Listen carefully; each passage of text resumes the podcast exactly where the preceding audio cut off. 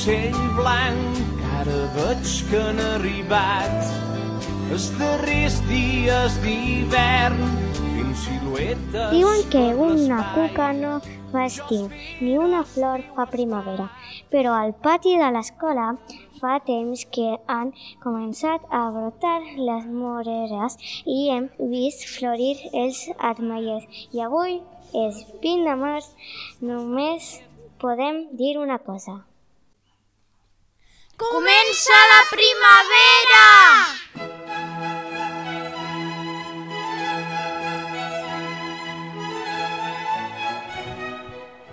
Nosaltres ens hem preguntat què és la primavera, però hem volgut explicar algunes curiositats de la primavera.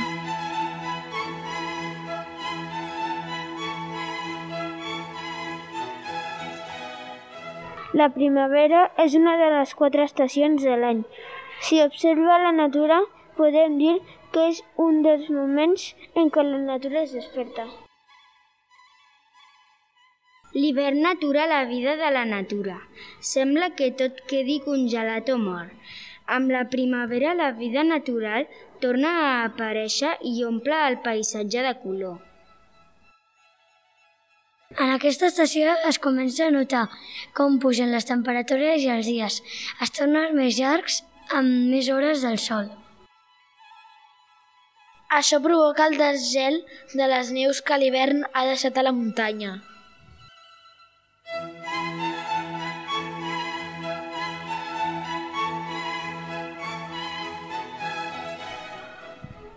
La primavera, a més, va acompanyada d'un clima molt variable, amb dies que poden passar de calorosos, assolellats, a freds i plujosos en qüestió de moments. Però la primavera no és igual arreu del món. Al nostre planeta, la Terra gira sobre un eix. Aquest eix està inclinat de manera que la Terra no gira plana sobre ella mateixa, sinó una mica de costat. A més, la Terra també gira al voltant del Sol.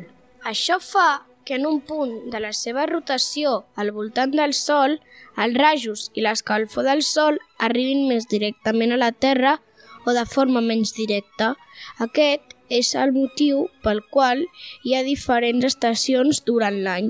Al llarg d'un any, diferents zones de la Terra reben de més a prop i més directament els rajos del Sol que les altres zones. D'aquesta manera, mentre el port nord s'inicia cap al Sol, és estiu a l'atmosfera nord i hivern a l'atmosfera sud. Quan el pol sud s'inclina cap al sol, aleshores a l'hemisferi sud és estiu i a l'hemisferi nord és hivern. Tal com vosaltres la vivim, la, a l'hemisferi nord la primavera és estació de l'any que ve just després de l'hivern. Es nota que fa més calor i que s'allarguen els dies. Es nota que aquesta estació ens apropa a l'estiu.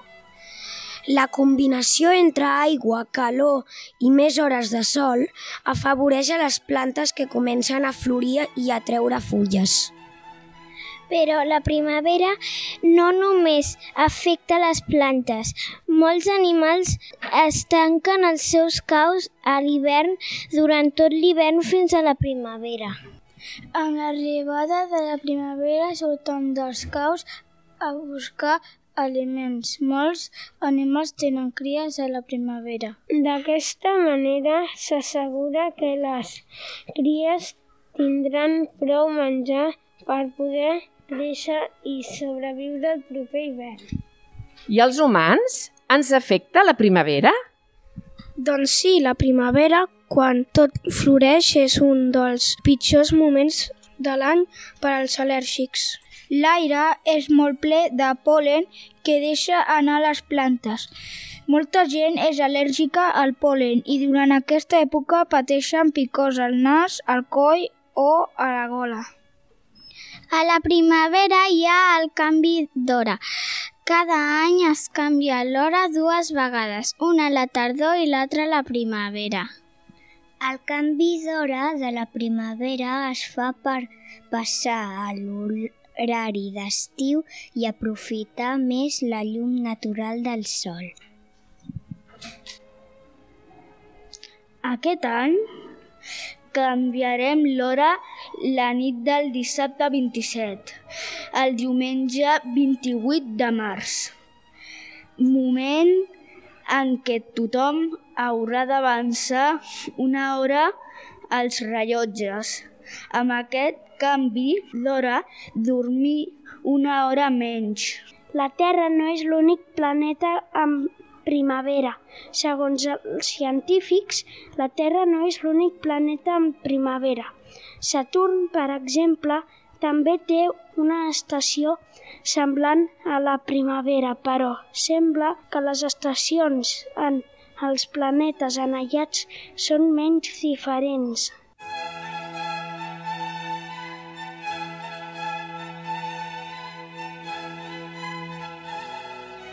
Els nostres companys de segon ens expliquen un conte de l'autora Núria Vives, que es titula On és la primavera i diu així. En un país llunyà hi havia una vall molt bonica que els pins i els pums es disputaven. Els pums eren un follet entremallat que només apareixien a l'hivern. Quan arribaven, els pims s'havien de tancar les seves cases per resguardar-se del fred. Allà dins esperaven impacients que tornés la primavera per poder córrer de nou per la vall. Ara bé, s'acostava la primavera i els pums no tenien ganes de marxar. Els pums estaven amoïnats. El sol cada dia s'enfilava una mica més i l'escalfor començava a fondre les seves ales de gel. Aviat haurem d'anar a dormir al llac que hi ha al centre de la vall, rondinaven. No podem tornar a volar fins a l'hivern que ve. Hem de trobar una solució. Tens raó, si no aconseguim tapar el sol, les ales se fondran molt de pressa. Per què no demanem a los mandros que vagi a dormir a la, de la muntanya? Com que és tan gran, taparà el sol, va proposar el punt ingeniós. I tots ho van trobar molt bona idea. Van volar cap a la cova de l'os i li van demanar Bon dia, senyors. Què podries anar que podries anar a dormir a la carena de la muntanya per tapar el sol? D'acord, va respondre l'os. Hi aniré, si no m'empipeu més. Allà dalt tindré l'esquena ben calenteta, va respondre. Mig endormiscat va pujar a la muntanya i es va deixar caure al punt per on cada matí el sol treia el nas. Al cap de poc roncava profundament. Els pums, molt contents, ho van celebrar perquè així el sol tardaria més a aparèixer. Però els pims estaven cansats d'estar tancats. Els puputs i les orenetes que havien tornat de l'Àfrica pensant-se que ja feia calor, tremolaven de fred. Els eriçons i les marmotes no s'atreven a sortir del seu caus. Ningú no entenia per el sol tardava tant en lairar-se. Donar un pin molt espavilat, va descobrir on dormia l'os tan tranquil de la carrena. Mireu, l'os ens tapa el sol, per això fa tant de fred. L'hem de fer marxar, deien els pims. Despertem-lo. Però per més que li feien pessigolles a les orelles i li bufaven el nas, l'os roncava sense parar. Van decidir utilitzar un mètode més convincent.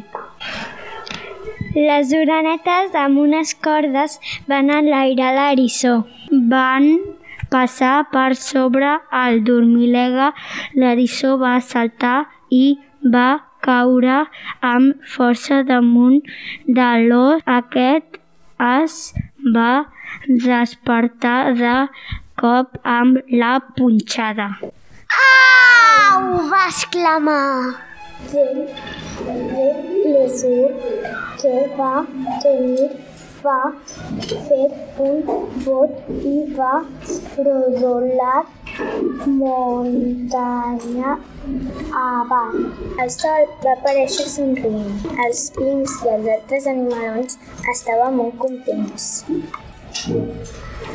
Oh, havien aconseguit la primavera havia arribat i la vall tornava a ser seva. I la vall tornava a ser seva. Encara quedaven alguns punts amagats als llocs ombrívols. Però si el pim manaire els veia, els enviava a dormir dins del llac. Els punts més aventurers estaven molt tristos. No els agradava anar a dormir. Se'ls veia fos les ales i no podien volar. Els tocava viure dins del llac com gotetes d'aigua i, es, i esperar que tornés el fred i l'hivern. Al cap d'uns dies, emocionats, van descobrir que una nova aventura començava per ells. L'escalfor del sol els atreia cap al cel i podien recórrer el món sobre un núvol. I us deixem amb unes endevinalles de la primavera. Què és allò que espanta tant que els fulls tothom a l'instant? Ah, la pluja. Un pont de coloraines fet per sobre les muntanyes amb colors d'aigua l'han pintat, però cap pincell no l'ha tocat. Ah, l'arbre de Sant Martí. Endimina, endimineta, en quina estació torna l'oreneta? La primavera. Taques negres a l'esquena i vestit color vermell. Dues ales juganeres, volar com un ocell. La Marieta! Amb la calor ja sóc aquí, que en són de pesades, però tot arreu volen les amb espantades i ja tornen a ser aquí. Les, mosques! Tinc el vestit verd i la cara vermella i miro el camp amb el meu ull negre. Qui sóc? La, la Rosella! Per acabar, els nens i nenes de la classe dels mags i magues i dels pirates ens cantaran la cançó Primavera, amb lletra de Francesc Bufill i música de Toni Xuclà.